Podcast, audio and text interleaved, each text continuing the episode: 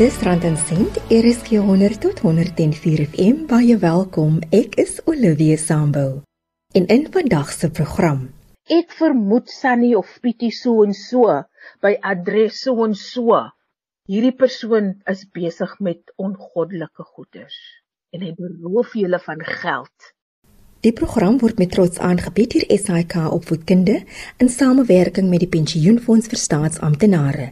SAIK Opvoedkunde vir ryk denke, vir ryk lewens.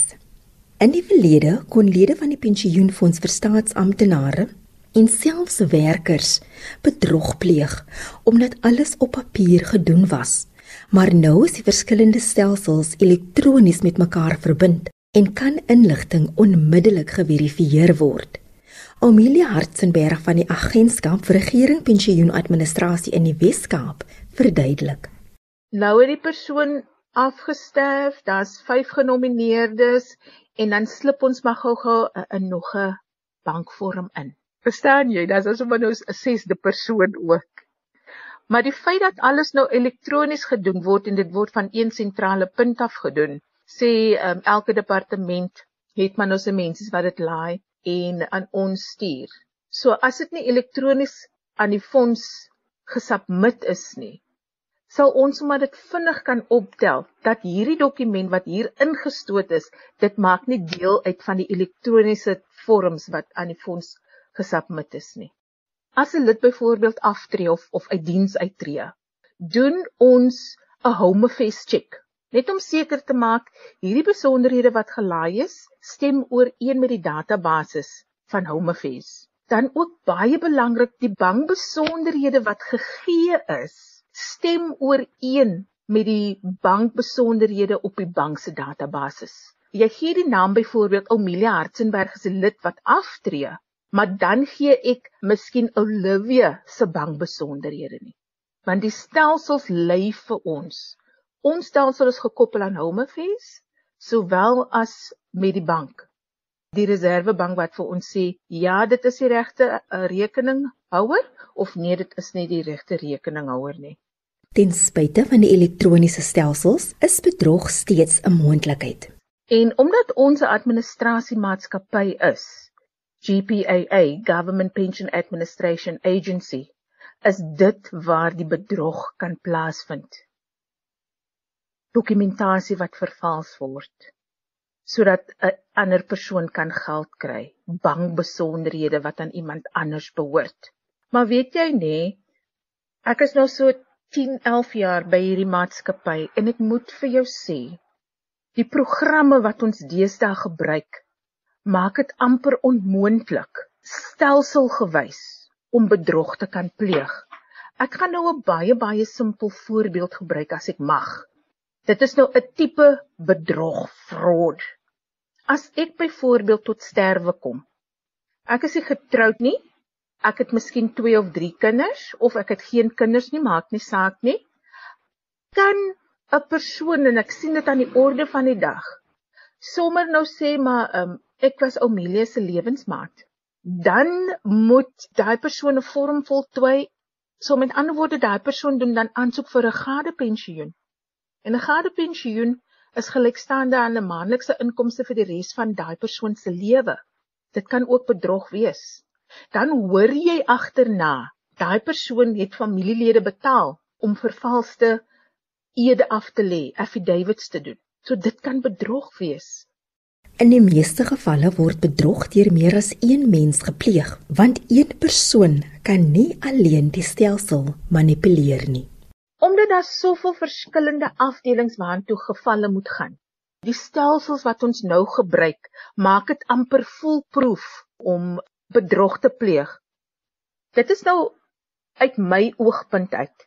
Ek werk vir die pensioenfonds. Soos byvoorbeeld as 'n eis gelaai word, dit gaan na ons back office toe, dan gaan dit membership toe, dan gaan dit bydraes toe, dan gaan dit miskien na ons special project afdeling toe as jy miskien nou redress het. Dit gaan deur soveel hande. Iemand gaan iets oplet. Maar verbeel jou ek het 'n persoon in elke afdeling wat saam met my in cahoots is. Dit mos nooit opgetel word nie. Die publiek word aangemoedig om bedrog aan te meld indien hulle vermoed dat iemand besig is om bedrog te pleeg. Daar is mense wat hou af van om hulle mondjies uit te spol en te spog oor hierdie goed. Het ons 'n hotline waar hierdie tipe van gedragskodes gerapporteer kan word? Jy as neighbor, né? Jy hoef nie eers jou naam te gee nie.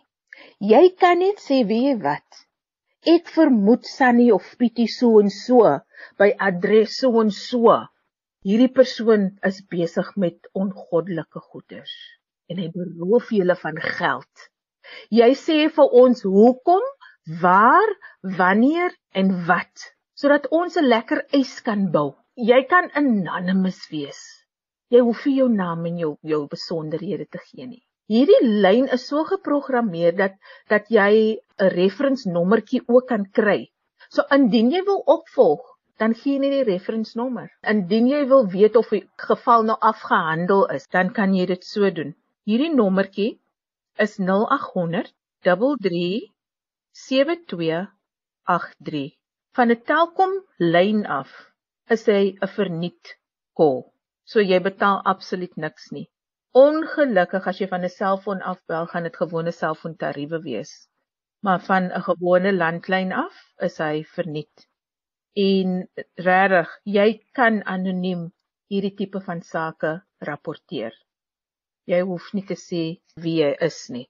Maar die feite wat gebeur, wanneer en waar en hoe, dit is wat jy vir ons van moet voorsien sodat ons die ondersoek kan loods.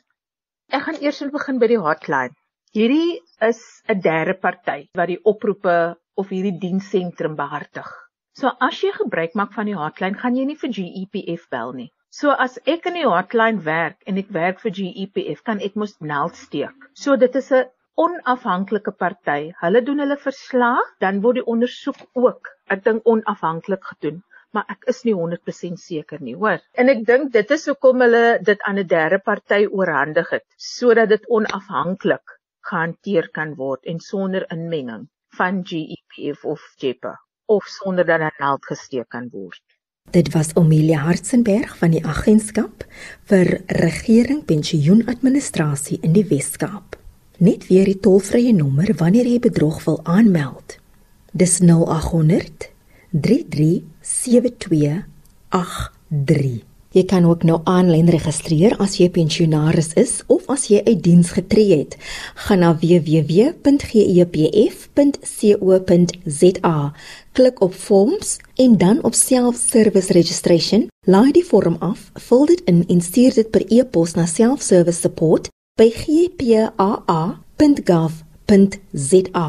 Vir begrafniseise kan jy ook nou 'n e-pos stuur na funeralclaims@gepf.gov.za. Romantiese bedrog laat die slagoffers se lewens in skerwe en hulle is dan te skaam om die misdaad aan te meld en die oortreders kom weg met miljoene rande van iemand se swaar verdiende geld en beweeg eenvoudig aan na die volgende slagoffer terwyl die vorige slagoffer finansiëel uitgeroei is.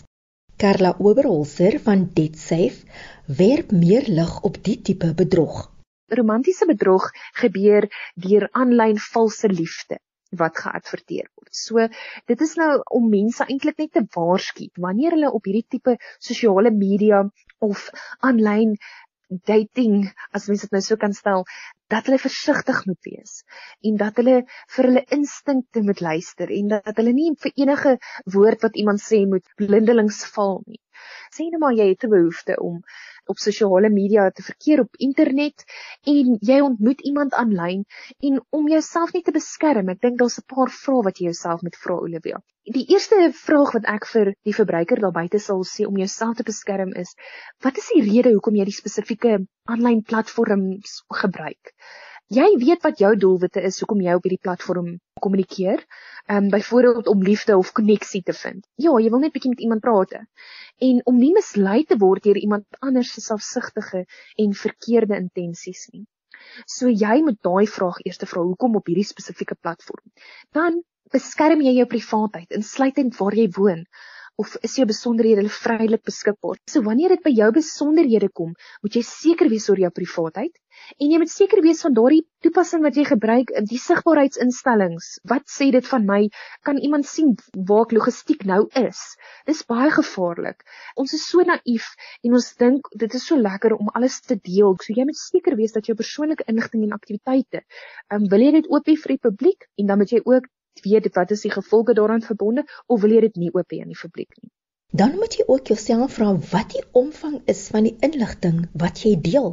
Dit is belangrik om geensins besonderhede rakende jou finansiële posisie aan enige iemand bekend te maak nie, selfs nie eens aan jou nuwe bekende vreemdeling deur te gee nie. So moet asseblief nie te veel inligting oor jou persoonlike lewe tydens gesprekke gee. Jy moet jouself beskerm en jy moenie naïef wees en net blindelings glo wat ander mense vir jou sê. En dan natuurlik het jy jou huiswerk gedoen en ander inligting wat aan jou gegee is, is geverifieer raak in hierdie persoon. So ek sê altyd Levia vertroue moet verdien word. Jy kan nie deesdae alles net glo wat jy sien of vertrou wat iemand anders aan jou weergee nie. Jy moet self gaan navorsing doen en self gaan kyk hoor is hierdie legit. En maak seker dat jy jouself in die proses beskerm. En dan indien jy iemand aanlyn gaan ontmoet of ontmoet het, moet jy jouself die vraag afvra, is daar genoeg inligting oor die persoon beskikbaar? So baie mense sal nou sê nee, maar jy's nou teenstrydig. Jy sê dan nou jy moet nie van jouself baie inligting deel nie, maar nou wil jy hê daar moet baie meer inligting oor die persoon beskikbaar wees. So ek wil net vir mense sê wanneer jy oor jouself inligting deel tydens die gesprekke, daar moet jy bietjie terughou en net eers seker maak dat jy die persoon goed ken. En wanneer ek vra, is daar genoeg inligting oor die persoon beskikbaar as jy 'n sekere platform gebruik, 'n sosiale media platform byvoorbeeld, is daar genoeg inligting op die persoon se profiel. Dit moet met baie groot agterdog benader word as ek dit so kan stel. As daar byvoorbeeld net daar's nie 'n foto nie, daar's net dalk 'n jaar van die persoon gebore, daar's eintlik niks nie. Dit is nog 'n gevaarteken. Dis eintlik wat ek net vir mense wil sê. Vra ook vra oor die persoon se beroep. So ons ken is Olivia wat meen dat romansverwante verneekspille met individue plaasvind wat sê hulle reis gereeld. Baie van hierdie syndikaate sit nie noodwendig in ons land nie en dan sê hulle nee, hulle is 'n militêre offisier of 'n vragmotorbestuurder en die skedule is baie besig. So ek wil net hê die mense moet bewus wees daarvan dat baie mense al navorsing oor hierdie gedoen. Vertrou jou instinkte wanneer selfs die kleinste dingetjie jou pla. Jy kan bekommerd raak wanneer die persoon nie 'n video of foonoproep met jou wil doen nie en nie 'n foto op die ingewing van die oomblik kan stuur nie. Hulle kan nooit 'n foto stuur nie. Hulle kan nooit gou sê wat hulle doen nie. Daar's nie persoonlikheid aan verbonde nie as ek dit kan sê. Of wanneer jy kan agterkom dat die persoon net met jou kommunikeer en hulle wys geen aanduiding dat hulle enige interaksie met die wêreld daar buite het. Jy weet as hulle jou half afsonder. Ek weet dit klink nou baie vreemd, maar jy moet versigtig wees en oplet vir sulke tipe kommunikasiepatrone. En dan toon die persoon of dan nou in sekere gevalle jou nuwe liefde gereeld dieselfde gedragspatrone deur jou te kontak eintlik te tuister oor 'n skielike 'n um, noodgeval of moeilike omstandighede wat by hom of haar opgeduig het. Dis 'n kenmerkende patroon. Daar's altyd een of ander persoonlike krisis. En sonder jou geld kan hulle nie uit daai persoonlike krisis uitkom nie en dit is vinnig. En een van hierdie patrone is om basies op jou emosies te speel. En hulle het jou geld nodig. Hulle het nie iemand anders se geld nodig nie. Hulle het jou geld nodig. Dit kan 'n voorman wees van iemand. Hulle moet gou hulle werker betaal en sy kaart het nie gewerk nie en nou kort hulle hierdie paar duisend rand. Dis waar dit begin. Dis nou net 'n voorbeeld. So om finansiële hulp aan te bied, dit moet 'n gereelde ding word vir jou nie. Wees ook op jou hoede vir enige teenstrydigheid wanneer jy kommunikeer. Die kans dat jy heel waarskynlik met meer as een persoon eintlik kommunikeer is is heel moontlik. So wat deesdae gebeur is mense werk as 'n groep saam vir 'n sekere syndikaat en dis hoe hulle mense flous. Maar jy kan agterkom in die manier hoe hulle praat, dis baie stomp. O, hulle oortref jou met hulle woorde, maar Ehm um, jy kan ook moontlik agterkom dat dit nie dieselfde persoon is met wie jy gepraat het nie. En ek dink dit is ook natuurlik belangrik om jou naby familie en vriende in te lig oor hierdie nuwe aanlyn liefde van jou. Kommunikasie met jou onmiddellike ondersteuningsgroep is natuurlik baie belangrik, Olivia, veral as jy dink dat iemand besig is om jou moontlik om die bos te lei. Baie keer het ons nie daai ekstra oor nodig wat vir ons kan sê nee, ietsie is nie so pleis nie, want ons gaan so head over heels in. Jy glo alles van die persoon want dit gebeur in hierdie eensaam tyd dat mens net, jy weet, aanraking soek en grog liefde soek en mens moet regtig versigtig wees. Dis hoekom dit belangrik is om bietjie weg te stap van jou emosie en daai opgewondenheid af. Jy moet vir jouself vra, dink jy dat jy besig is om bedrieg te word? En indien jy ja sê op so 'n tipe vraag, um, moet jy dadelik enige verdere kommunikasie stop. So stap eerder weg van die situasie af. So dit is al die gevaarligte en as jy op jou instink vertrou en voel iets is nie pleis nie, dan is dit 10 teen 1 nie pleis nie. Dit was Karla Oberholse van DebtSafe. En onthou as jy 'n lid is van die Pensioenfonds vir Staatsamptenare, kan jy hulle kontak op 0800 117 669 of gaan na een van die instapdienssentrums. Jy kan ook 'n e-pos stuur na inquiries@gepf.co.za of besoek die webtuiste by www.gepf.co.za. Dan kan jy ook kommentaar lewer op Twitter. Jy kan ook begrafniseise indien by funeralclaims@gepf.co.za www.co.za. Die program word weer Woensdagoggend om 04:00 uitgesaai. Dis tot sins van my Olivia Sambo hier op Rand en Sent RSG 100 tot 104 FM.